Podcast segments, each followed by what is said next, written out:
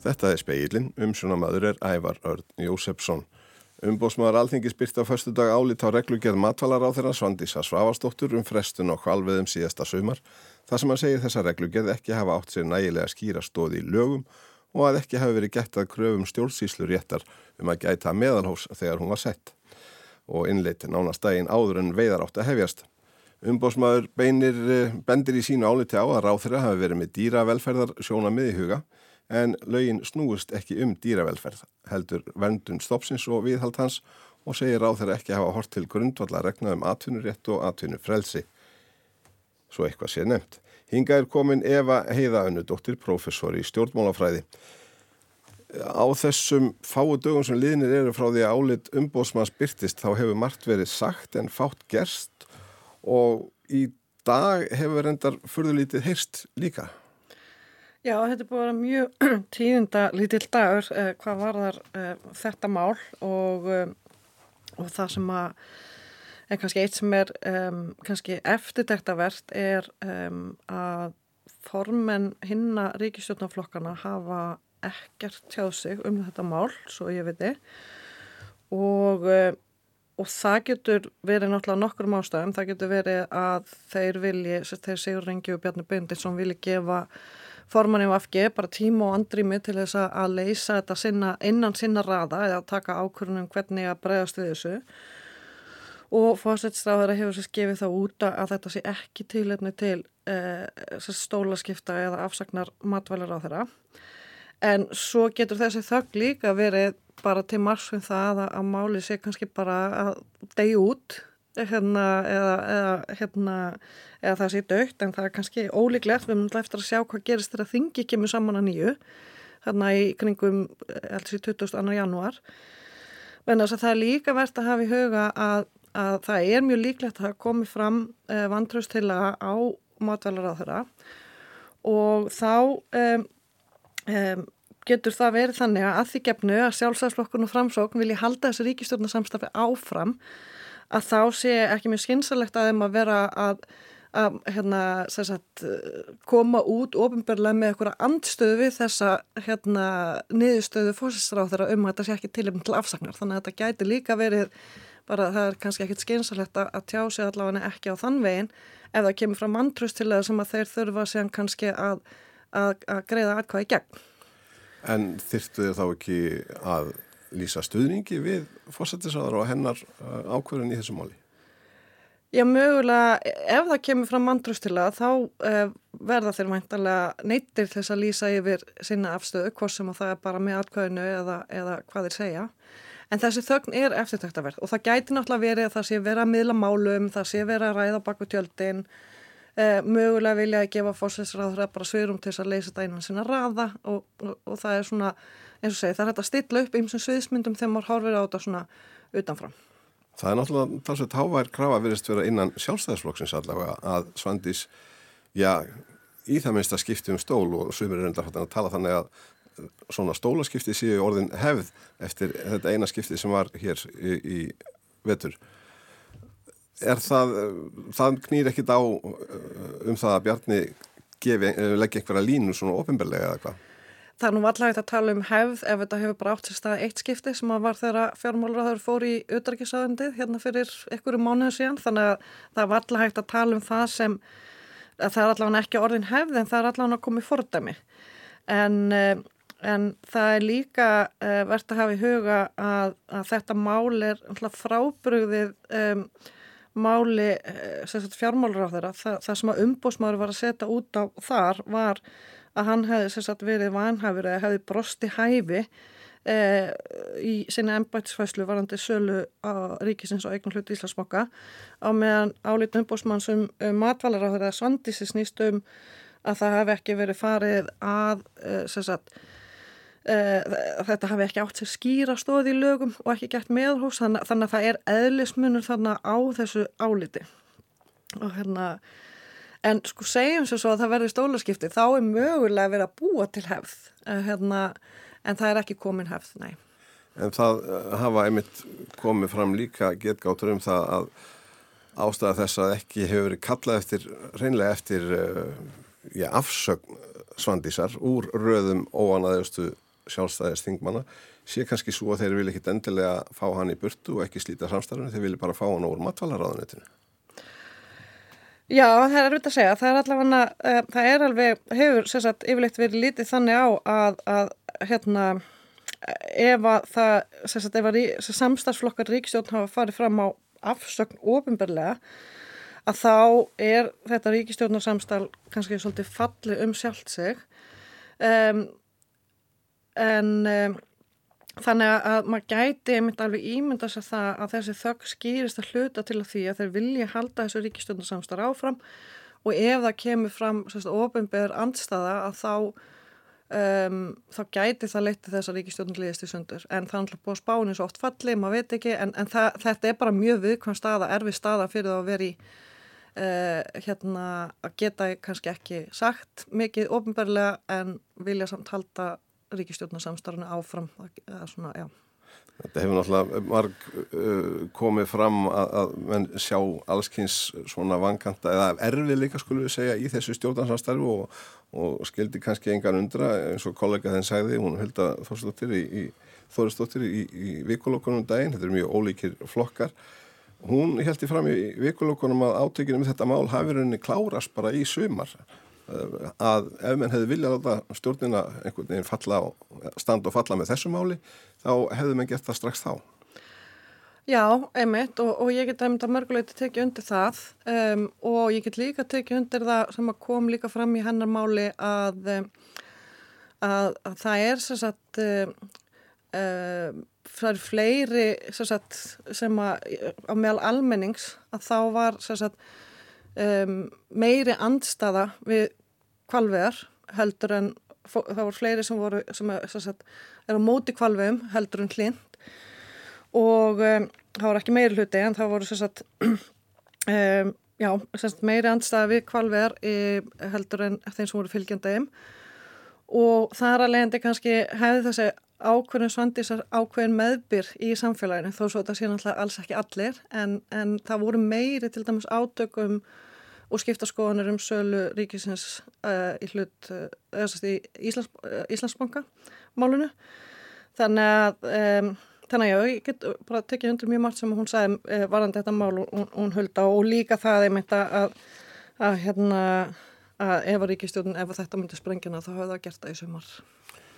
Það eru fleiri en, en Bjarni Benediktsson og Sigur Ingi Jóhansson sem hafa ekki tjáð sig um þetta mál Eh, stjórnan aðstæðan hefur verið nokkuð döguleg við að, að, að kalla eftir einhverjum afleðingum en það hefur ekki heyrst neitt frá formanni stærsta stjórnan aðstöðu flokksins hvorki núna eftir að álið kom nýja í sumar þegar máli kom upp er hægt að leysa eitthvað í það? Það er rosa erfitt að segja til um í raunveru hvað þau, uh, hvað vakir fyrir þeim eða hvort að segja hvað sem að vakir fyrir þeim en það er einmitt eftirtækt að verða að það hefur lítið komið frá, hefur ekkert komið frá formanni samfélkingar en það hefur komið frá einstakar þingum. Jóhanni Páli, hann, hann kom fyrir þeirra höndi þessu máli. Já, og hérna og veist, eins og ísmyndin geti verið svo að það sé verið bara svolítið að býða og sjá hvernig, hvernig þetta þróast og eins og segja ef þetta deyr út núna á næstu vikum að þá er kannski engin ástæðilegs að vera um, sagt, stilla upp einhverju svona skýri, skýri, skýri afstöðu en hérna Þannig að ég segi, það er, maður er bara svolítið svona að, að, að hérna geta sér til um hva, hver geti verið tilgangunum, svo getur bara vel verið að þau séu að bara fókusera á önnu mál og undirbúa önnu mál. Svona rétt í, svona rétt í lokin, uh, væri þetta ekki svona, ef að, ef að menn vilja, ef það er viljið til þess að uh, sprengja stjórnarsamstarfið, og maður sjá ekki fram á mikið framhald. Er, væri þetta ekki kjöri tækifæri fyrir tvo af þremur stjórnumflokkum allavega fram, uh, sjálfstæðismenn og, og vinstir græn til að ná vopnum sín og láta steita á þessu skeri sem er svona undelt Ég með það geti hérna, það geti mögulega verið þannig en á móti kemur að þá geti líka verið sáflokkur sem að sprengi ríkistjórnuna ef það gerist, hann geti tappa á því. Eða hvort sem að alveg bussi frá því hversu um, gott málefni væri til þess að gera þannig að það geti líka haldið aftur að Akkurat. Eva Heiða Önnudóttir, takk fyrir komuna. Takk.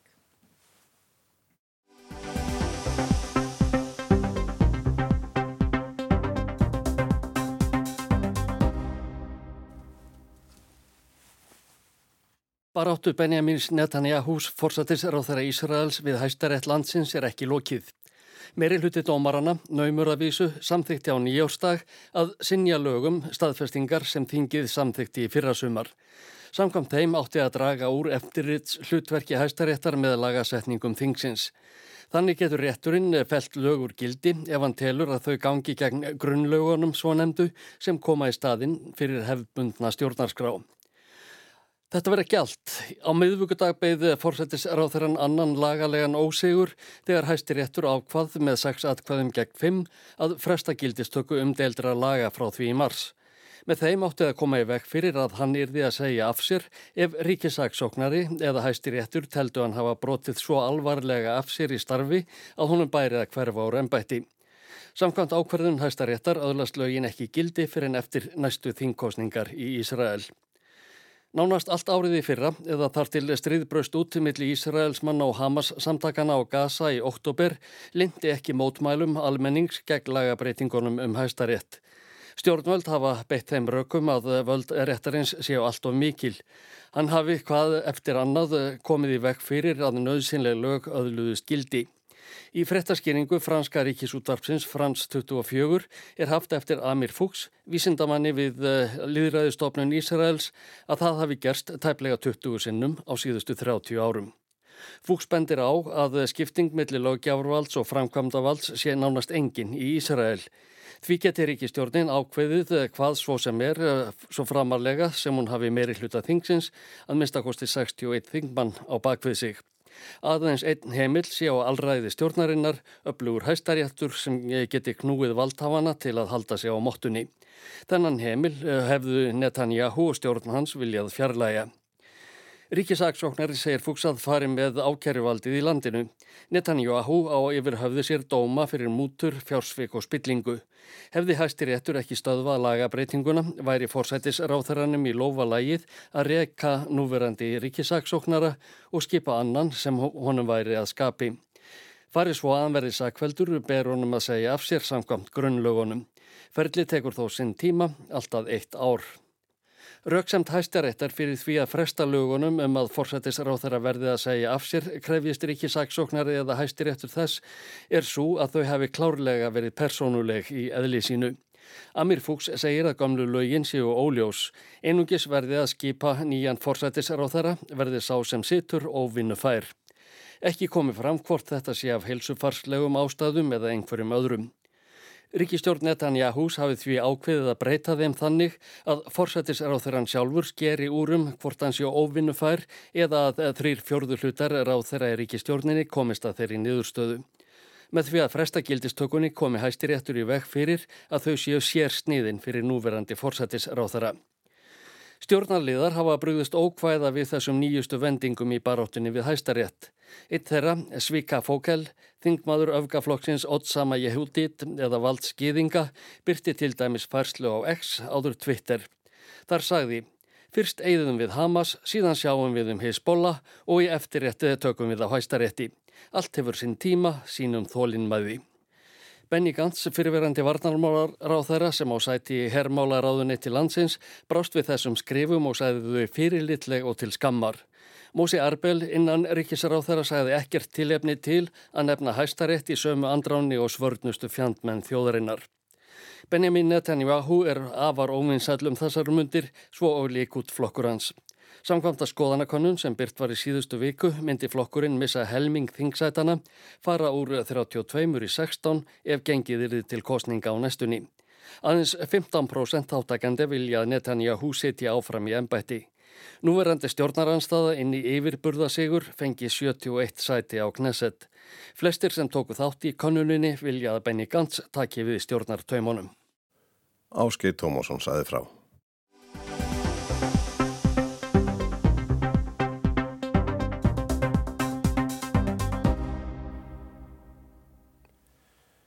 Að fólk passi ekki í segul ómtæki, sjúkrarúm eða hjólastóla er vaksandi vandamál í heilbreyðskerfinu. Formaður samtaka fólks með offitu og aðstandenda þeirra segir fólki áþyngd veigra sér við að nýta heilbreyðstjónustu vegna skammar.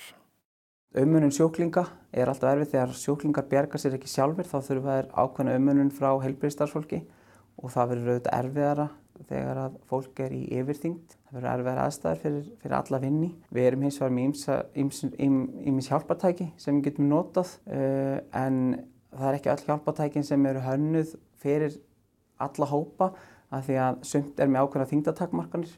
Segir Helgi Þór Leifsson, framkvæmdastjóri klíniskrar þjónustu á sjúkrahúsinu á Akureyri. Þessar takmarkanir gera vart við sig á ymsum deildum sjúkrahúsins. Nær öll sjúkrarúm á gjörgæslu deild sjúkrahúsins á Akureyri þóla innan við 200 kíló. Þar að auki eru þau einungis 70-80 cm á breytt og geta verið varasum í nótkunn þegar fólk er þúnt. Á líflækningadeildinni þóla allir stólar aðeins 120 kíló og eru með nokkuð þrönga arma. Þá eru dæmi um að sjúklingar komist ekki í sturtum vegna þess að þeir passa ekki í sturtustólinn sem notast er við. En einn hindrunin í vegi fólks í ofþyngd mætir því á myndgreiningar Þar er segulómtæki sem fólk hefur ekki komist í sökum stærðar. Og piðótækinu er 60 cm breytt. Sem gerir það verkum að í raun er ekki nema kannski 160 kg manneska sem mögulega geti farið í slikt tæki bara vegna ummálsins, ekki út af því að bekkurum berða ekki. En við erum að vinna í að, að, að sækjum fjármál fyrir semst, að endun í að það fyrir árið 2025 og þá með það fyrir augunum að, gera, að semst, stækka tækið og, og, og geta tekið starra einstaklinga í það. Ef fólk passar ekki í tækið er því gerðan vísað til Reykjavíkur þar sem eru segulómtæki með stærri opum. Þó kemur fyrir að það gangi ekki heldur og er þá látið reyna á greiningu með öðrum hætti. Solveig Sigurðardóttir, formaður samtaka fólks með offitu og aðstandenda þeirra, segir heilbriðiskerfið á Íslandi ekki geta synt fólki í ofþyngd nægilega vel. Það sem er eh, til fyrir okkur er gott en það er svo fáum aðgengilegt og það er svo lítil tekking og það er lungbið og það er umvel að svona hefni sér ræðið því hvort þú færð þjónustu hvert sem hún leitar. Hún segir mikla vitundar vakningu vantæði samfélaginu í málefnum fólks með offitu. Þekkingarleysið sé ennof mikill. Þekkingarleysið það bara gefur af sig fordóma. Og þegar fordómanar eru svona miklir eins og er í dag, að þá er mjög erfitt að takla þetta. Hún segir fjölmarka vegra sér við að leita eftir þjónustu vegna skammar. Jú, jú, og ég hef sjálf persónulega lent alveg í því og það eru óteljandi sögur sem ég hef, sem ég get hérna sagt og Það er mjög stór rannsók sem kom út núna fyrir hvað, tveim áru síðan og þar til dæmis kemur ljós að fólk er í alltaf sjú ár að leita sér þjónustu, bara eins og til heimilisleiknis vegna oftingdæraðu uppfittu. Það býður sjú ár og hugsaði ykkur ef maður fær síðan einhverja þjónustu sem maður kemur grátand út frá, að þá leita maður ekkert aftur þjónustu fyrir maður að bara fara veikur. Sankant ennbætti landlæknis teljast 27,4% fullorðin á Íslandi með offitu. Þessi tala hefur hækkað á undanförnum árum en árið 2007 var hlutfall fullorðina með offitu um 20%. Offita er algengari á landsbyðinni en á höfuðborgarsvæðinu og er algengust á vestfjörðum. Þar eru tæplega 43% íbúa með offitu. Helgi kvetur þau sem eru í ofþyngd eða með offitum að vera óhrætt að nýta sér heilbriðistjónustu. Við erum, við erum mjög lausnamiðið til þess að leysa all, öll vandamál og fólk á alls ekki að vegra sig við að koma í heilbríðstjónustunum. Það er, er alltaf að skila bóðin. Hann segir í stanslausri skoðun hvernig hægt sé að tryggja sem besta þjónustu við þennan hóp fólks. Sko maður, maður tekur eftir því til dæmis í tækikaupabeginum frá deildónum að það er mikið verið að kalla eftir nýjum búnaði. Það er verið að kalla eftir svona búnaði sem er hannaður þá fyrir þingri einstaklinga til þess að bæði auðvitað starfsfólki vinnuna og bara til þess að þjónusta sjúklinga almennt. Og, og það er á hverju ári koma frá öllum deildum nýjar tækikaupabeginir í þessa átt. Þannig að það er mikilvægt fyrir heilbríðiskerfið að, að, að fylgja þessari þróun sem er að verða í samfélaginu. Að það eru fleiri einstaklingar sem er í yfirþyngt heldur en áður var og það er bara þróunin að heimsvísu í samfélaginu. Það var Amanda Guðrin Bjarnadóttir sem tók saman og rætti við Helga Þór Livsson og Solveigu Sigurðardóttir. Fleira er ekki í speklinum í dag, tæknum að það var Kári Guðmundsson, hlustam á þáttinn á vefnum okkar rú.is og helstu hlaðvarps veitum veriði sæl.